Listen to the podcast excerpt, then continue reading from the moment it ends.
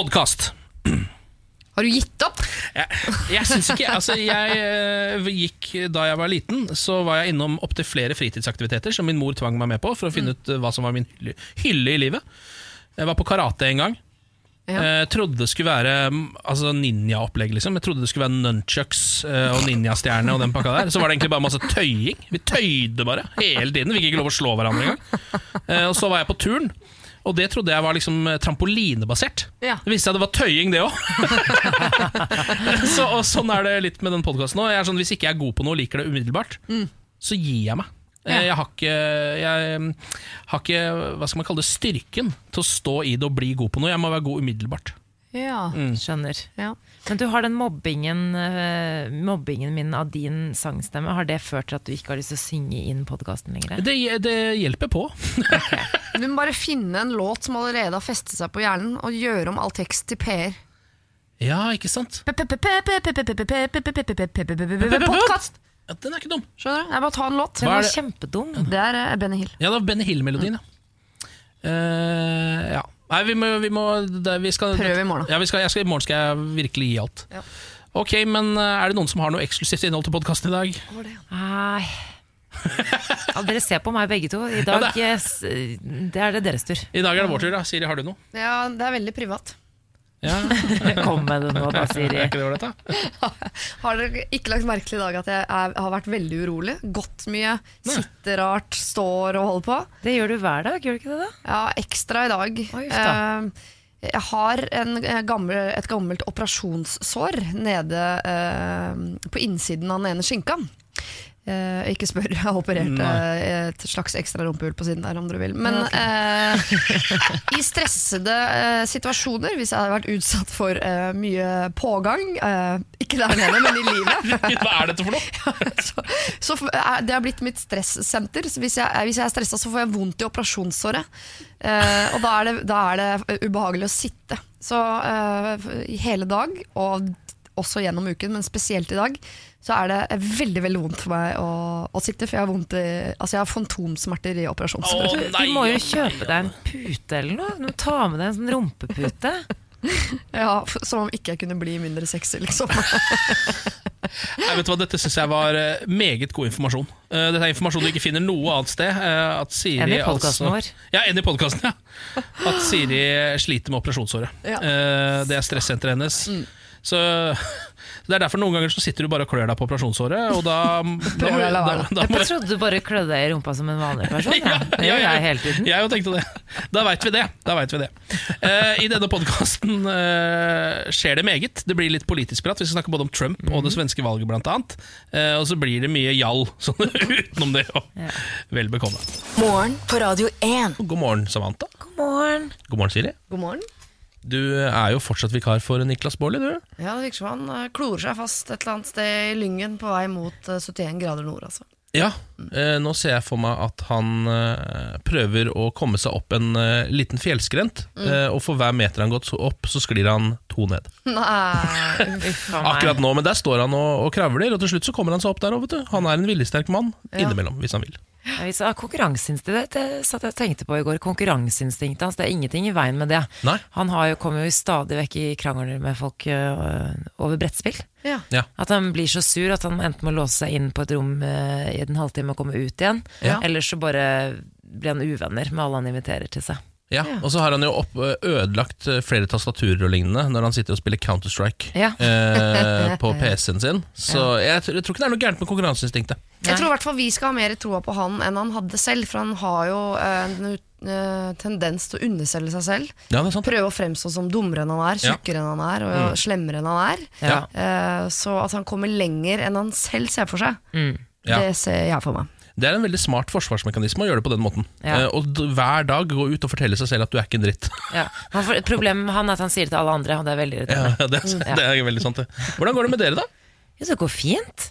Vi har jo kommet, altså jeg syns det har gått så fort denne uken. Det er jo torsdag allerede. Ja, Gått fort. Ja, Gått veldig fort. Jeg har, uh, I dag har jeg kjørt bil. Jeg tar jo vanligvis tog inn hit på morgenen. I dag valgte jeg å kjøre bil. Grådig deilig det òg, da. Å ha en sånt lite rom for seg sjøl. Ja, jeg må du innrømme det. Snakker Ja. til to som ikke har lappen. Ja, og derfor så er det ville jeg prøvd å få. Ja, men eh, for forhold, eller i hvert fall mitt forhold til bil Nå skal jeg ikke snakke for deg, Samantha, men Nei. men for meg så er det jo sånn hvis jeg hadde satt meg i en bil rett etter at jeg har stått opp, så er det, det er nesten som en, et sted hvor jeg sover bedre enn jeg gjør i min egen seng.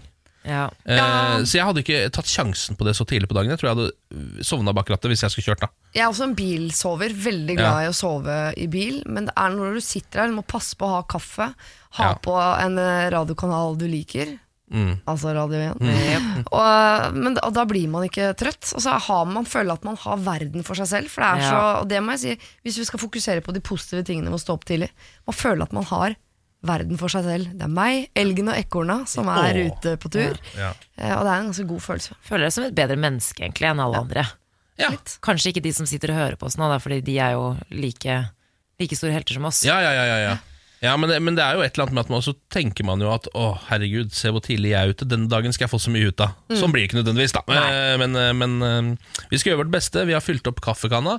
Hvis du er ute og kjører bilen nå, så kjenner du at du blir litt trøtt, bare sving inn på, eh, på Statoil en liten tur. Ja, gjør det. Ta deg litt av kopp eh, kaffe og en av bolle, eh, og så er du i gang igjen og klar for flere timer. Hvis du er ute og kjører bil, så prøv å ikke klikke hver gang du kjører gjennom en bomring. Det er det jo eh, ganske mange av på de norske veier. Og nå, jeg ser foran på VG at det er opprør mot nye bompenger, og det sprer seg i Norge. Det har allerede vært én sak hvor det Ja.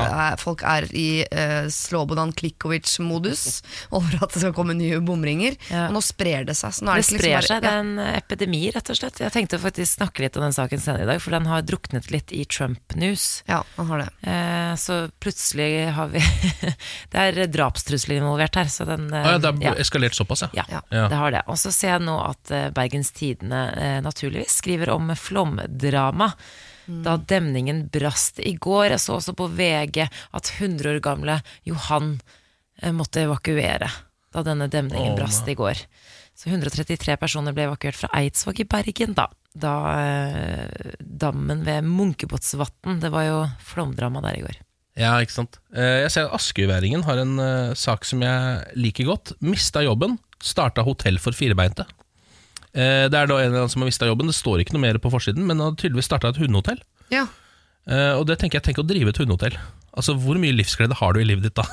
Hvis det er Hver dag så står det opp, og så kommer det nye folk og plinger på pling, pling, pling. Ja, øh, hva kan jeg hjelpe dem med? Nei, jeg skulle gjerne hatt et rom, sør. Ja. Og så er det bikkjer som er der. Det må være helt nydelig. Det er drømmen din, det, Ken. Ja, Det, er faktisk, det tror jeg faktisk hundehotell. Ja, det skjønner jeg. Å drive hundehotell, det er drømmen min. Men du har muligheten til å besøke hundehotell. Jeg har vært mye på sånn åpent hundehotell i helgene. eh, for de driver Der har du ofte vært mye. Ja, ja, jeg har faktisk det. Der driver de ofte også oppdrett eh, av eh, hundevalper. Oh, ja. Og da er det fri kos med hundevalper, så da kan man gå inn i sånne innhegninger. Og så kan du ha en ti-tolv valper som bare ligger i fanget ditt og slåss om å kose. Altså, Ja, jeg sier det, jeg sier det, jeg har sagt det hundre ganger, jeg sier det igjen. Få på disse katte- og hundekafeene her i, i Norge også. Og pinnsvinkafé. Og pinnsvinkafé vil jeg Ja. også ha, Ja. sånn som de har i Tokyo. Vi Ja, trenger det er veldig koselig. Alle trenger det. Faktisk. Mm. Vært så deilig. Morgen på Radio 1. Bomaksjonister lammet trafikken i Sandnes eh, og Stavanger, og bompengesjef ble drapstruet etter avisoppslag. De siste dagene har det vært en eh, heftig bompengedebatt på Nord-Jæren eh, om en mulig ny ordning. Eh, de skal kreve betaling for kjøring innenfor fire kommuner på Nord-Jæren, også dem imellom. Eh, og det har jo skapt rabalder, rett og slett. Eh, Pluss en liten rushtidavgift der som folk heller ikke er fornøyd med. Over 2000 bompengemotstandere eh, demonstrerte i går i Sandnes og Stavanger og skapte trafikktrøbbel i mange timer i Stavanger sentrum. Eh, motstanden markeres også på en Facebook-gruppe, og det fører meg til den andre overskriften jeg hadde, med drapstrusler. Eh, Facebook-gruppen for vi som er imot bomringen i Sandnes og Stavanger, eh, har i skrivende stund 45 000 aktive medlemmer. Oi, det var Eh, er jo mer enn Urge-gruppa, det er jo helt vilt. det skal mye til, faktisk. Administrerende direktør i bompengeselskapet Ferde, Trond Juvik, som har ansvar for denne ordningen her, har rett og slett fått drapstrusler på denne Facebook-gruppen. Eh, har nå gått til anmeldelse. Jeg eh, gikk inn på denne gruppen bare for å ta en liten titt på hva som står skrevet. Her var én kommentar. Sykt at han våger å gå ut med navn. Han skulle hatt ei kule mellom øynene og en bomstasjon opp i ræva, skrev en person, eh, hvor en annen svarer håper det skjer kjapt som faen. Ja. Og NRK har jo snakket med personen fra Facebook som eh, håper han får en kule mellom øynene. Eh, han svarer følgende De har ikke noe bevis på at jeg har skrevet dette. Nei, det er klassisk svar. Har ikke Sant. bevis. Hva er, Åh. at Han har skrevet under fullt navn, eller? Ja, ja, ja. ja. ja nei, det har ingenting med det å gjøre. Han jo, det mener kan være face rape. Altså, noen kan ha det kan være det han sant? Ja. Så jeg er helt enig. Det kan ikke bevise. Ja, det er en, I én av 50 tilfeller så er det face rape. Ja, og det er ikke nok med det. Det er også varslet demonstrasjoner i Stavanger-ordfører eh, Kristine Sagen Helgøs sin hage. Hun er da også for bom, bom, eh, bompengeordningen. Og så kommet noen stygge meldinger om, om henne. Kristine Kristine Sagen Helgø er en jævla hore. Ja. Eh, så de, lurer på om noen har misforstått hva det der prostitusjonsyrket prostitusjonsyrket dreier seg om. Det er sjelden Ja. de driver med bompengeringvirksomhet. Veldig, veldig sjelden. Ja, det altså, nå- du sa jo det tidligere i dag, Siri, at nå, det sprer seg. Ja, ja, det er Over hele virus. landet? Ja. Eh, Bompengedebatten. Jeg forstår, men jeg kan forstå at de er irritert altså når jeg leser uh, hvor mye det kommer til å koste. Og så, jeg forstår Ja. jo at folk er sinte, men det, jeg, jeg blir bare like fascinert hver gang det kommer drapstrusler ja. om noe ja, sånt. men det er jo, det, det er jo noe altså Facebook er jo den nye liksom, folkemobben med høygaffelen og sånn. Uh, nå foregår det der inne, før så foregikk det ute. Jeg vet ikke helt hva som er verst, uh, egentlig. Nei, Nå, eller nå, tydeligvis, så nå mobiliserer de jo på Facebook for å faktisk gå inn i hagen, så nå er det jo begge deler. da Ja. Eh, Så egentlig så er det verst, kommer jeg på nå. ja, det er jo eh, deilig å kunne se fienden sin i øynene, ikke bare ha det liksom på maskinen. Men det er litt skumlere at det står en gæren fyr i hagen din, ja. enn at det er en gæren fyr som skriver til deg på Facebook. Og stirrer Ja. i øynene til barna dine. Ja. liksom. Det er litt sånn Ja, det ubehagelig. er, det er ikke bra, det. Men, sånn sett vil eh, jeg heller ha det på Facebook. Men jeg er usikker på om jeg vil ha en kule i panna og så en bomring opp i ræva. Hva velger velger du? motsatt. Kule i panna eller bomring oppi ræva? Jeg tror jeg tar kule i panna først, hvis jeg må velge av de to. Jeg går Døyve for, smerten. jeg går for bomring i ræva, for jeg, altså, det er ikke bevist at det kan drepe deg. Eh, Nei, det er kule, kule i panna, det, Jeg tror jeg er bevist at det gjør vondt. Det tror jeg er bevist. Det kan det. Eh, Jeg, var, eh, jeg sa det kanskje i går, at jeg skulle på fotballkamp i går. Eh, og ikke noe eh, storoppgjør eh, på noen slags måte. Ikke del av en liga noen følger. Eh, men min sønn spiller jo da fotball. Såkalt femmerfotball. Eh, ja. Tidvis firerfotball. Hvis eh, man leder eller ligger altså, såpass mye, eller med så og så mange mål, så må man ta ut en spiller for å jevne ut. Um, det skjer ganske ofte, faktisk. Hvor gammel er han? Min sønn er åtte. Okay. Uh, jeg er jo ikke spesielt opptatt av fotball. Uh, og jeg trodde heller ikke at jeg skulle synes det var spesielt spennende å se barn spille fotball, annet enn sånn så søtt se han beveger seg etter ball-aktig. Mer sånn. Eh, men jeg får tics, og det er derfor jeg prøver å ikke gå og se fotball. Hadde min sønn sagt mamma, jeg- foretrekker at du ikke kom på kamp, så hadde jeg på en måte Så hadde jeg blitt hjemme med glede for oss begge. Fordi jeg står på sidelinjen, og jeg klarer ikke å være engasjert sånn Kom igjen! For jeg kan ikke noe uttrykk og sånn, så kan, det er begrensa hva jeg kan si med ord. Men det skjer noe fra hofta og ned, for jeg prøver jeg, eh, Altså bena mine lever seg inn i situasjonen til den som er nærmest ballen. Så jeg prøvde, akkurat som jeg prøver å manifisere bevegelser fra meg, eller projisere mine bevegelser over på barna. For jeg blir stå og sparke i, ned i kunstgresset, og uh, altså jeg, jeg ser gæren ut fra hofta og ned. Det er veldig gøy. Har du- Det har jeg veldig lyst til å se, merker jeg. Så jeg går mye rundt, eh, jeg står mye med ryggen til, og er mye i bakgrunnen og sånn. Og for meg å se fotballkamp eh, med egne barn involvert, er litt som den følelsen man har når man ser på skrekkfilm, og det er mørkt, og du vet at det antageligvis er et monster et eller annet sted i huset. Og man sitter bare og håper at det snart skal bli lyst og dag, og at man skal få de rolige partiene i filmen. Så jeg sitter bare og venter på Er det snart pause? Er kampen snart? Og jeg driter i hvem som vinner, jeg vil bare at det skal bli ferdig. For jeg synes det er utrolig slitsomt fra hofta og ned. Og i hjernen å stå og se på kamp. Jeg vil bare at det skal bli ferdig, så kan gå og stelle oss i vaffel- og pølsekø. Men du, jeg kan forstå det. For litt sånn som da jeg så på Emil og holdt på med skiskyting. Det er akkurat samme. Ja, men får du det fra høf... Eller får du skuldre? Nei, jeg bare legger, jeg legger meg under bordet, for jeg, jeg Ja. bare klarer ikke å se på. Så jeg, jeg bare mister jo all eh, sans og samling i kroppen. Nå slipper jeg jo det, da, selvfølgelig, når jeg har lagt opp, men det er en forferdelig følelse. Jeg har potensielt eh, 20 vonde år foran meg. Fra hofta og ned.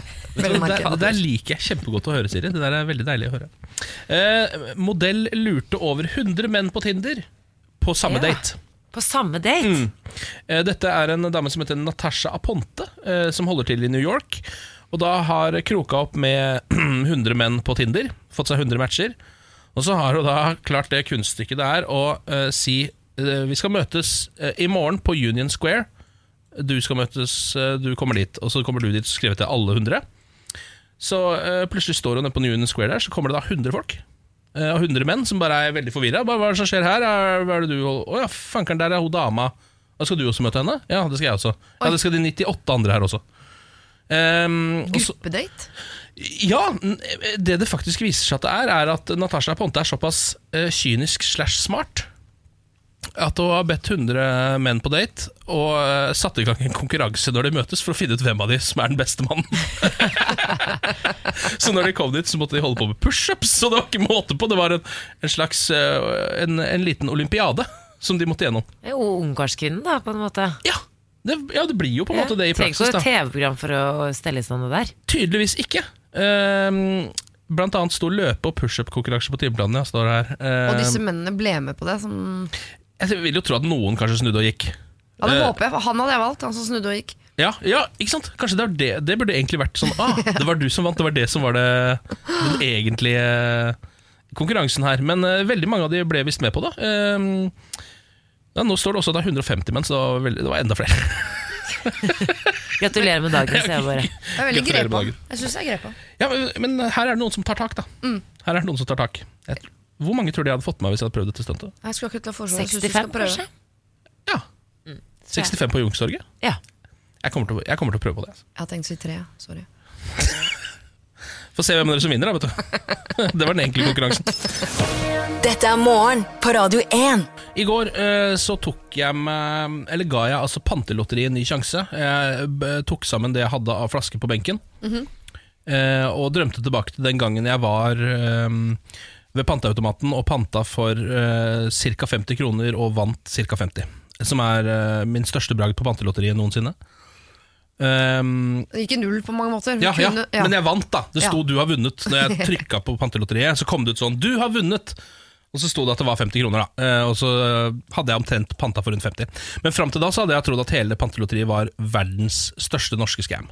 For jeg har aldri hørt noen, noen som Jo. har kommet fra det med penger. Jo, det er det, men det, det er ekstremt sjeldent. Ja, og nesten alle jeg har hørt om, har sånn Ja, jeg panta for 200 kroner og vant 50. Ja, men, ja, men det er jo den millionen da som går ut en gang i året. Ja, og den gikk ut nå. Ja, Eh, fordi den eh, var det nemlig en fyr som, eh, som eh, vant i går. Han heter eh, Daniel Marcin Pinda. Gratulerer. Nei, Mm. Gratulerer. Han panta 25 flasker han, og ble millionær. Kona mi tror fortsatt ikke på meg, sier han. Eh, det jeg begynte å tenke på når jeg leste denne saken, her Fordi den leste jeg ikke så veldig lenge etter at jeg kom tilbake fra panterunden. Så tenkte jeg, Hvor langt unna var jeg? Å nei. For jeg panta også 25 flasker. Ja. Sånn cirka i går. Jeg vant ingenting, jeg.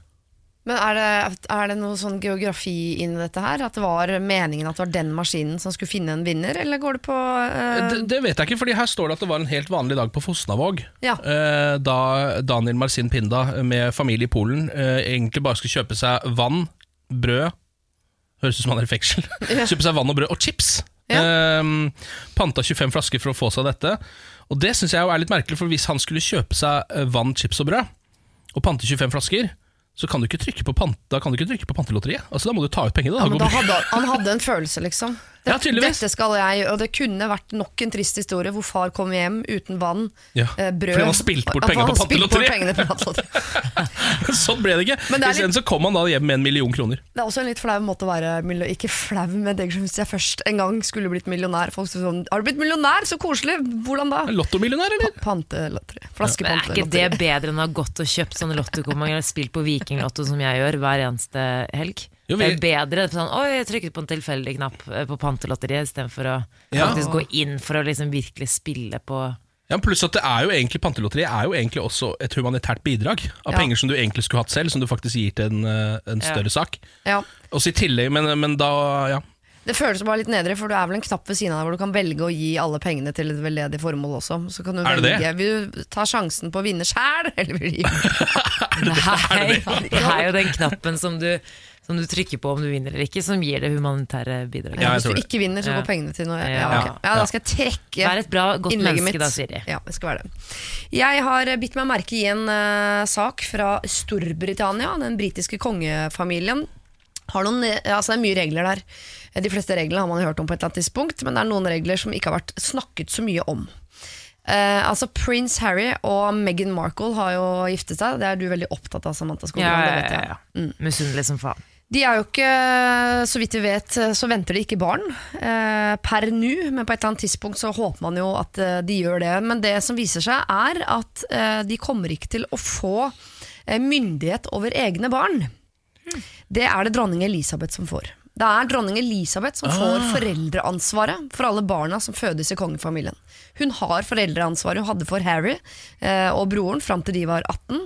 Hun har det for eh, barna til broren, og hun får det for barna til Harry. Det er altså Elisabeth som har foreldreansvaret for kongebarna. Shit, Det høres ut som en litt sånn regel som henger igjen på 1800-tallet en gang. eller noe Og det er helt korrekt. Ja, det, det, det gjør det jo Ja, det er akkurat det den gjør. okay. Og så skulle man tro sånn, ja ja, formaliteter, det er sikkert ikke noe hun bruker til noe som helst, er det så farlig? Tradisjon, da, få foreldreansvaret er ikke så farlig. Eh, men det er jo interessant hva du tenker om det som vordende mor, Samantha, om du får litt sånn at mora di skulle hatt foreldreansvaret. Må jo Tenker at det er litt deilig. litt deilig, ja. Tenker at det er litt, litt liksom eh, byrde Ja, eh, altså man ser jo at det er foreldrene som går rundt med de ungene hele tiden, men hvis det er på en måte akkurat det der ansvaret, alt av forsikring og alle sånne ting som man på en måte ikke har tenkt på, da, i hvert fall som førstegangsmor, da. Hvis det hadde falt på mamma, nydelig. Ja, Det er ikke akkurat der eh, dronninga stepper inn. Altså Bleieskift og praktiske ting. Det eh, tror jeg ikke hun er så eh, hyppig på. Men hun sitter og sier ja og nei til ting. Det viser seg at når eh, Diana og prins Charles var gift, så var det altså Elisabeth som bestemte eh, om de fikk lov til å dra på ferie, f.eks. Så Diana spurte om hun ikke kunne få lov til å ta seg en tur til Australia med sine to sønner. Nei, sa Elisabeth. Da dro de ikke til Australia. Jeg tror det gjelder å ha et godt forhold til dronningen. Jeg tror det er ganske viktig, faktisk. Ja, jeg tror Man burde generelt ha et ålreit forhold til svigermor. Ja. Det gjelder ekstra hvis svigermor er dronning. Jeg Ja. syns man generelt skal ha foreldreansvar for egne barn. Ja, jeg kan være, ok, jeg kan være enig da. Kjedelig verden, selvfølgelig, men det kunne vært litt tilfeldig. og Kunne tatt et lite lotteri på det. Plutselig kunne jeg for eksempel bare fått foreldreansvar for noe barn. Ja, det var gøy. Det var litt ålreit. Hadde sikkert gått bra, det. Morgen på Radio 1. Hverdager fra seks. Eh, syv av tolv kjendiser jobber i TV 2. Eh, Ja. Kan man nesten si. Fordi nå har jo da Skal vi danse-deltakerne blitt offentliggjort. Em, og av de tolv som skal være med, så jobber jo syv av dem Eller har i hvert fall tilknytning til kanalen som sender det, Ja. altså TV 2. Um, som det står her, Aune Sand og Frank Løke var med på fjorårets Farmen-kjendis. Amalie Snøløs som er med på den vanlige utgaven av Farmen. Martine Lunde aktuell i den kommende sesongen av Farmen kjendis. Sofie Elise har sin egen TV-serie på TV2 Sumo. Og Dorte Skappel er programleder for God kveld Norge og fast ansatt i TV 2. Ja. I tillegg så er Einar Nilsson maler og tapetserer i TV 2-programmet Tid for hjem. Um, Jo, men At man har vært med på Farmen, gjør deg vel ikke til TV 2s eiendom? De har helt sikkert vært med på, vært med på Firestjerners middag også. Det betyr jo ikke at de er eh, TV Norges. Nei, det er helt sant. Uh, men det er vel et eller annet med at det vanner ut eh, kjendisbegrepet mer enn eh, man har gjort til nå, da. Eh, Ja, kanskje det. Ja. Eh, selv om det er ganske utvanna fra før, egentlig, dette kjendisbegrepet, er det ikke det? Altså, ikke, og programmet også, tenker jeg. Skal vi danse har jo vært uh, rullet over skjermene siden 2005 eller 2006 eller et eller annet sånt. nå. Ja, det har gått såpass lenge. skjønner jo at de er nødt til å Skrape bånd av bøtta, er det det du si? Ja, jeg vil ikke si noe vondt om casten, for sånn tenkte jeg faktisk ikke. Men det at det er mye TV 2-folk, det er jo ingen hemmelighet at de eh, tar egne profiler. Altså ikke nødvendigvis bevisst, men, men det har jo vært sånn hvert år. Det er jo alltid en del TV 2-profiler som er med på det programmet. Ja, for jeg lurer på om det er Ja, for jeg, det er det jeg lurer på om det er fordi at det nå begynner å bli såpass få kjendiser å ta av etter hvert. da På en måte at det er sånn La oss si at enhver kjendis har satt grensa på tre reality-programmer. Ja, fem har jeg. Ja, ikke sant? Du, du har fem, og nå har du vært med i to eller tre? Tre? Nei, to, tror jeg. Ett. Ja. Nei, ja, du, nei, du har vært med i flere. Du har vært med i Masterchef og masse Ja, greier. Du har vært i tre, minst. Ja. Ok, da. Men, Ja. det, men det er lov, det er det jeg mener. Altså, all, det er veldig mange som har vært med på reality-programmet. Jeg tenker Skal vi danse også. Det er jo alle har vært en, det er mange som har vært en liten tur innom der. Ja. Eh, Hanne Krogh, Janne Formoe, Janne ja, ja, ja. Skavlan, Tone. Damli, Ja. eh, Tor André Flo. han har også vært med. Har Tor André Flo vært med der òg? han kom, han kom til finalen. Ja, han var god, han hadde sunget ofte. Hvorfor er det ingen som ringte meg på den tiden og sa nå må du se på TV? Jeg var der hver lørdag da eh, på akkurat den sesongen. der Jeg har jobbet i TV 2 lenge og hadde tilknytning på, privat, på Ja, privaten ja, ja, også. Eh, fryktelig gøy da Tor André Flo var med. Ja, fordi Jeg bare lurer på om de gjør det på en måte for å bygge sine egne profiler. For det, sånn funker det jo. Det funker jo på den måten. Eh, hvis det er noe, en helt vanlig værmelder på TV2 som man bare har sett et par ganger, og så plutselig så er de med i Skal vi danse, Ja. så er det jo større stjerne, eh, og folk kjenner den merkevaren. Men det er jo Bedre. kjempelurt. Altså, TV 2 er jo flinke på å bygge profilene sine. Jeg syns ikke de skal ha refs for det, egentlig. Nei. Jeg syns de er gode på det. Vi må også huske hvor reality begynte noen ganger, Fordi nå er jo reality kjendis-reality. Nesten. Det fins noen andre reality-programmer også, men det er veldig mye som er sånn kjendiser samles og gjør et eller annet som vanlige mennesker gjorde før. Ja, Enten er det kjendis på vei inn, eller så er det på vei ut. Ja, Ja. Eh, mens da kan vi jo tenke tilbake på at egentlig så likte vi jo å se folk som ikke var kjendiser, gjøre ting på TV. Villa Medusa. Ja, for eksempel Villa Noen som Medusa. husker det? Jeg husker Villa Big Medusa. Brother, eh, Ja. ikke kjendisversjon. Ja, Kjempegøy. ja, ikke sant? Men du, eh, jeg syns det er på tide å gå over fra eh, kjendis til sport. Vi Ja. var jo innom Tor André Flo, men eh, det er en stund siden han har prestert. Ja. Kan ta en kikk på overskriftene aller først. Ada Hegerberg kan vinne prisen som årets spiller i Europa for andre gang på tre år. Camilla Herrem klar for NM syv uker etter fødselen. Og Karsten Warholm slo 19 år gammel rekord på 300 meter i Bergen i går. Wonderboyen og Niklas Baarlis store crush. Må bare nevne det nå som han ikke er her og driver og klatrer i fjell. Eh, vi holder oss i Bergen, men vi skal til Brann stadion. Eh, flere bergensere i andre eliteserieklubber enn Brann velger å synge en bergenssang når de kommer som motstander til Brann stadion, og det får mange til å reagere. Jaha. For eksempel bergenserne Erik Huseklepp, som mm. spilte for eh, Brann lenge, eh, og eh, Fredrik Pallesen Knutsen. De spiller jo nå for Haugesund, men de er bergensere.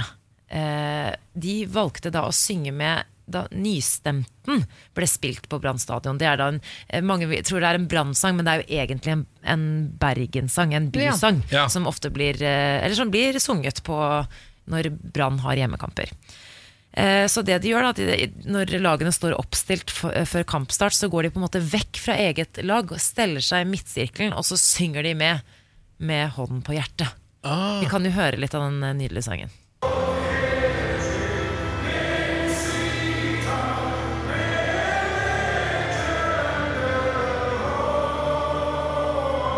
Ja. Nydelig. Jeg vet ikke om du har hørt den sangen her? eh? Jo, jeg eh, tenker nå at jeg har hørt den på brannkamper eller lignende tidligere. Ja. Veldig pompøst. Ja. Veldig pompøst. Ja. Og når, når da eh, de, altså de motstanderne, de andre lagene, reagerer jo veldig på at eh, bergensere på en måte går vekk fra eget lag, fra deres lag, for å på en måte være med på dette. Og de mener at det er liksom eh, Ja, at de er eh, forrædere, da, på en måte, som, som er med på det. Men de, selv om Ja. Mener man at man skal ha større troskap til laget man spiller på, enn byen man kommer fra? ja. Hvert fall der, og de, de mener at det er respektløst fordi de skal spille for da Haugesund eller Sarpsborg Ja, for, 08 det, osv. for akkurat det er jeg litt enig i. Eller, eller hvis jeg skal prøve å se det fra sånn supportersiden. Ja. Hvis jeg hadde kommet, liksom, vært Haugesund-supporter, og så ser jeg at to av spillerne på mitt lag eh, på en måte står og slikker det andre laget opp i rasshølet før kampen, Ble Ja. litt sur. Jeg hadde skjønte Litt hvis de gikk ut og, og sang 'Byen er Bergen og laget Brevanda', det skjønte jeg men å synge en ren bergensk sang fordi du er glad i Bergen, det er byen du er født og oppvokst i, syns jeg bare er eh, Jeg synes det er lojalt og fint. jeg. Ja, det lojalt. syns det, fordi eh, hadde liksom pipa fått en annen lyd hvis det var omvendt? Hadde bergenserne reagert hvis det var på en måte en, en trønder da, på, på Brann som begynte Ja. å synge Åge Aleksandersen? eller et eller annet? Og bildet Ton Ivers! Det er det du synger der borte. Altså, det, det hadde blitt eh, voldelig. Det hadde blitt voldelig. Ja, ok, Så dere mener at det er litt eh, krenkorama? Nei, jeg Eller at mener at det er på, helt på sin plass. Men jeg Ja. er jo ikke glad i fotball, da. Jeg er bare glad i landet mitt. Ja, du er veldig glad i landet ditt. Og du synger jo nasjonalsangen hver dag før vi går på eh, Ja. lufta her. Det er sant. Vi skal en liten tur til Japan også, for en rekke idrettsskandaler har skapt overskrifter eh, der den siste tiden. To år før landets hovedstad eh, Tokyo eh, skal være vertskap for sommer-OL. Først så var det en universitetsstudent som eh, spilte amerikansk fotball ved et eh, anerkjent universitet i Tokyo. Eh, som innrømmet at trenerne hans eh, ga ham beskjed om å knuse quarterbacken på motstanderlaget, eller risikere å bli satt på benken. Og dette har blitt en sånn stor nasjonal eh, idrettsskandale, fordi det er et anerkjent universitet, og det, er liksom, det kommer fra trenerne at han skulle da knuse motstanderens kne før en kamp. Å Så alle der, altså De har Tonje Harding som Ja. sin ledestjerne innen sportslighet. Veldig bra. Og eh, tidligere i august var det en som måtte trekke seg eh, fra den japanske amatørbokseforbundet, altså lederen for eh, bokseforbundet, etter han ble beskyldt for å ha presset dommerne til å rigge kamper. Så her er det faktisk en del korrupsjon som eh, ruller og går. Og nå senest i går ble fire japanske utøvere, basketballspillere, sendt hjem fra Asialekene i Indonesia etter å ha kjøpt sex fra prostituerte. Ja. Oi. Rett etter en kamp. Jeg så den pressekonferansen, og da må de stå og bukke. Eh, I det som virker til å være eh, en 10-12 minutter. Eh, må de stå med bøyd hode Ja. for å vise sin skam. Kan jeg stille et spørsmål uh, ut fra fordommer? Jeg visste ikke at det fantes japanere som var høye nok til å spille Ja, der har du det! Det gjør det. Vi runder av med den uh... Beklager, Japan. Det Vi runder av med nyheten om at eh, japanere nå er over 1,82. uh, og så lar vi det, lar vi det være. Morgen på Radio 1. Hverdager fra 6. Jeg må komme med en liten innrømmelse. Eh, Sjokkerende for meg selv, faktisk. Eh, Jeg har lært noe om meg selv i løpet av de siste dagene. Eh, skjedd, jeg har forandra personlighet. Oi. Oi. Fordi nå har jeg Det begynte på tirsdag, eh, et par dager siden. Da skulle jeg ut og kjøpe meg en lunsj etter eh, vi var ferdige her på, på radioen. Eh, endte opp med å spise to feite donuts, og det var den lunsjen jeg spiste. Eh, dagen etter, eh, idet jeg gikk eh, ut herfra og skulle gjøre det akkurat det samme, kjøpe meg noe mat, så kjente jeg at Ok, Nå så må jeg ikke gjøre, gå på den smellen jeg gikk på i går med å bare spise donuts. Må prøve å få i meg noe ordentlig kost. Um, så klarte jeg da å dytte i meg et rundstykke før jeg gikk løs på én donut uh, til. Uh, og en sånn derre um, berlinerbolle. Nei. Så Jo. du har, to ganger så dyppa du sjela di i frityrgryta i Ja, går? ja, ja, ikke bare at det er frityrgryte, men det er jo også dette altså, eh, Bakst har jeg aldri hatt noe sånn spesielt godt forhold til. Nei, Eh, Samantha, ja, Samantha har jo reagert på det. Har kommet inn her 'Ken, bolle, bolle, Ken'. Så, 'Hvorfor ikke ha bolle? Hvorfor spiser du ikke bollene mine?' Har du sagt. Det har jeg kanskje sagt, ja. Du har nok sagt det, ja. Eh, Jo, men Det er forskjell på hvetebakst og hvetebakst som er eh, dyppa i frityr. For Jeg er Ja. ikke noe hvetebakstjente sjøl, men dyppes det i frityr, så er jeg game on. For å si sånn ja, det er muligens frityrbakst som er min nisje, da. Jeg tror kanskje det. Eh, men jeg føler at det har et eller annet med de nye rutinene med at jeg står opp så tidlig å gjøre. Ja. Det er noe med eh, å være våken på morgenen som gjør at jeg får en voldsom eh, bakstecraving, rett og slett. Ja. Før så har jeg, jeg har på en måte skrytt at jeg ikke har noen eh, At jeg ikke har noe sweet tooth. For jeg har aldri vært noe glad i godteri eller bakst. eller noe sånt Jeg har bare vært glad i potetgull. Eh, og potetskruer, selvfølgelig. Ja. Men nå har altså, dette har helt snudd opp ned. Og Jeg merker at jeg blir litt forvirra av det. Jeg vet ikke helt hvem jeg er lenger. Nei. Men jeg liker at jeg har kommet med boller sånn kanskje fem ganger. Niklas har vært på lavkarbo. eh, produsenten har også vært tidvis på lavkarbo, så det er egentlig bare Ken da, som har vært der for å spise bollene mine. Jeg er bare på karbo. Det er helt Men vanlig du har, du har ikke sagt et eneste ord om at du ikke er glad i bakst. Har Nei. det bare vært for å være høflig, eller? Ja, jeg har liksom tatt et par biter av den. Eh, nei, ja, Kanskje det har vært litt for å være høflig. Jeg tenker at det kan være greit liksom tidlig i en vennskapsfase. Eh, og, og sånn, ja. ja men Ja. Det syns jeg du er veldig høflig av deg, Ken. Ja, takk for det. Du, Grisekrise i Spania. Vi har ennå oh ikke tatt tak i den nyheten, og det er på tide. For nå er det flere griser enn folk i Spania. The Switch, det har bikka over der The. Switch har skjedd i Spania, og dyrene har til og med blitt en miljøtrussel. Eh, Det er nå 50 millioner griser i eh, Spania. Det er 3,5 millioner mer enn det er mennesker i landet. En økning på 9 millioner griser siden 2013. Eh, Og de har blitt en miljøtrussel. eh, Den fjerde største bidragsyteren til klimagassutslipp i Spania. Ah, ja, selvfølgelig. Eh, også eh, Krisenes avføring har også begynt å forurense grunnvannet. Eh, og dette har faktisk blitt, blitt et veldig stort problem i Spania, rett og slett. Er det fordi at de liksom, altså nå har jamon fra Spania kanskje blitt for populært? Jamon serrano, jamon iberico. Eh, Ja, ja, Så de har sikkert eh, tenkt at her er det bare å kjøre på med griser, for dette kommer tilbake på BNP-et vårt. Men nå har det begynt å slå tilbake på dem. Jo, det er jo ikke ville grisefamilier som eh, løper til skogs og korpulerer og får masse unger. Det er jo et system som avler fram disse grisene. Det er et system, og den svinekjøttindustrien har jo blitt rammet av noen sånne matsikkerhetsskandaler også. Produksjonen, altså det går jo Iberico-skinke. Alle vet Ja. jo hvor populært det er. Ja. Men så har det vært noen, fått et litt dårlig rykte etter noe sånn grums i måten de har produsert det på. Da, et eller annet sånt noe. Ja. Eh, Men i samme artikkel som jeg leste om grisekrisen, så kan man lese at norske griser er mer klimavennlige.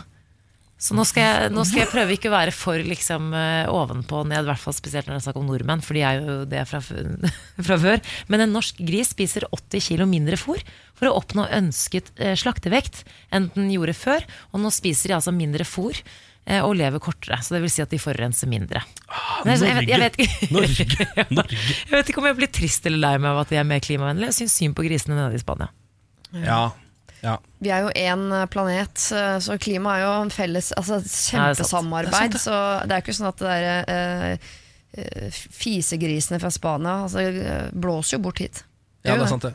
Vi vinner liksom ikke selv om vi er gode. Totalen vinner Men nå vet dere i hvert fall det.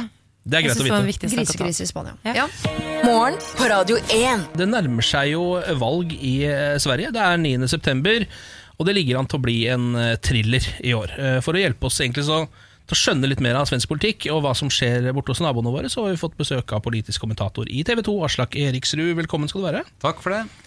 Aller først, hvordan er det egentlig sånn hvis man sammenligner med den norske modellen? Hvordan fungerer svensk politikk? Det er veldig mange likhetstrekk.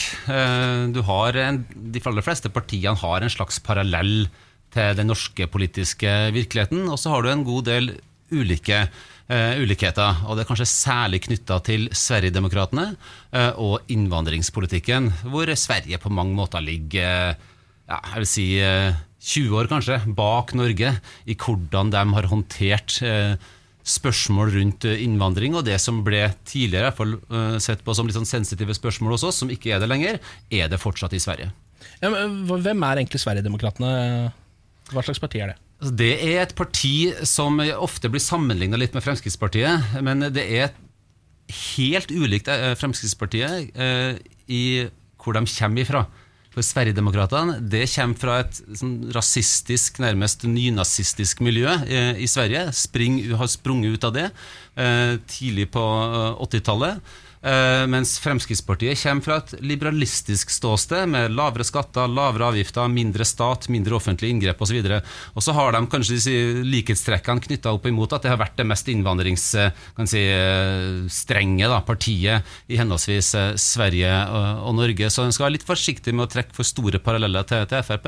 Sverigedemokraterna var jo et bitte lite parti eh, kjempelenge. og Så kom Jimmy Åkesson, og så kom flyktningebølgen. Og Det tror jeg du har forklaringa på en karismatisk leder som har gjort masse for å kan si, renvaske det partiet, få bort det brune grumset og gjøre det mainstream eh, i stadig større grad, og har fått gehør hos velgerne i takt med at flyktningstrømmen har kommet til Sverige. Eh, ja, fordi altså, Tidligere så har jo de andre politiske partiene nesten nekta å debattere med Sverigedemokraterna. Egentlig ikke, eh, Pressen har ikke tatt de så veldig seriøst i det hele tatt. Men nå har det snudd. eh, Ja, Det er i hvert fall i ferd med å snu. eh, Ja. Og Sverigedemokratene styrer mot makt. eh, Helt åpenbart. eh, Litt sånn som Fremskrittspartiet i, i Norge også. Styrt mot makt. Ble store og fikk til slutt regjeringsmakt. Jeg tror ikke Sverigedemokraterna får regjeringsmakt etter valget her, men de kan jo faktisk i ytterste konsekvens bli det største partiet i Sverige etter valget søndag om, om to uker. hvordan tror du det vil endre svensk politikk da? Det vel helt klart endret svensk politikk. Helt åpenbart. De andre partiene er nødt til å forholde seg til Sverigedemokraterna. Etter forrige valg, for fire år siden, så øh, var det jo ingen blokker som hadde flertall. Du hadde de rød-grønne, og så hadde du den borgerlige alliansen, som består av fire borgerlige partier, og så hadde du Sverigedemokraterna. Og da var det de rød-grønne som var liksom den største av de tre blokkene, og da ble Stefan Löfven statsminister. Og I Sverige så er det sånn at det er det partiet som har flest stemmer, så vidt jeg har skjønt, som eh, får kan si, budsjettet sitt igjennom. Og så stemmer da Sverigedemokraterna sammen med Moderatene eh, i eh, det første statsbudsjettet da, for fire år siden. Og da må jo regjeringa enten gå av, eller lyse ut nyvalg, eller det ble fullt kaos i svensk politikk. Og da ble de seks kan si, partiene på, i, i Riksdagen, alle unntatt Sverigedemokraterna og Venstrepartiet, som er liksom Sveriges svar på SV, de lagde en avtale hvor, eh, hvor Sverigedemokraterna skulle holdes utafor svensk politikk i Ja. åtte år. Ja. Den såkalte desemberavtalen. Og så skulle de, de, den blokken som var størst av de to kan si, eksisterende blokkene, eller de blokkene som var igjen, få lov til å styre landet. Så skulle de andre partiene støtte deres statsbudsjett. En helt oppsiktsvekkende avtale eh, som ikke gjelder lenger, men som førte til at Stefan Löfven og sosialdemokratene kunne styre videre, og har styrt Sverige da, i, i fire år nå. Hvordan er, liksom, hvordan er den politiske stemningen? For Du nevnte jo at eh, Sverige lå litt etter Norge i forhold til kanskje de spørsmål man eh, ikke tør å stille, og, og med tanke på innvandringsbølgen og sånn. Altså, hvordan påvirker det valget? Har det endret seg noe på de siste fire årene? Det dominerer valget i Sverige nå, eh, innvandringsspørsmålet. Det og kriminalpolitikk, særlig etter bilbrannene vi har sett nå, og en del sånne saker. Så, og, og det er jo Sverigedemokrat- Sosialdemokratene gjør jo det de kan eh, for å prøve å få debatten over på skattelette kontra velferd, men det er helt fånyttes. Det er eh, innvandring som er den store debatten.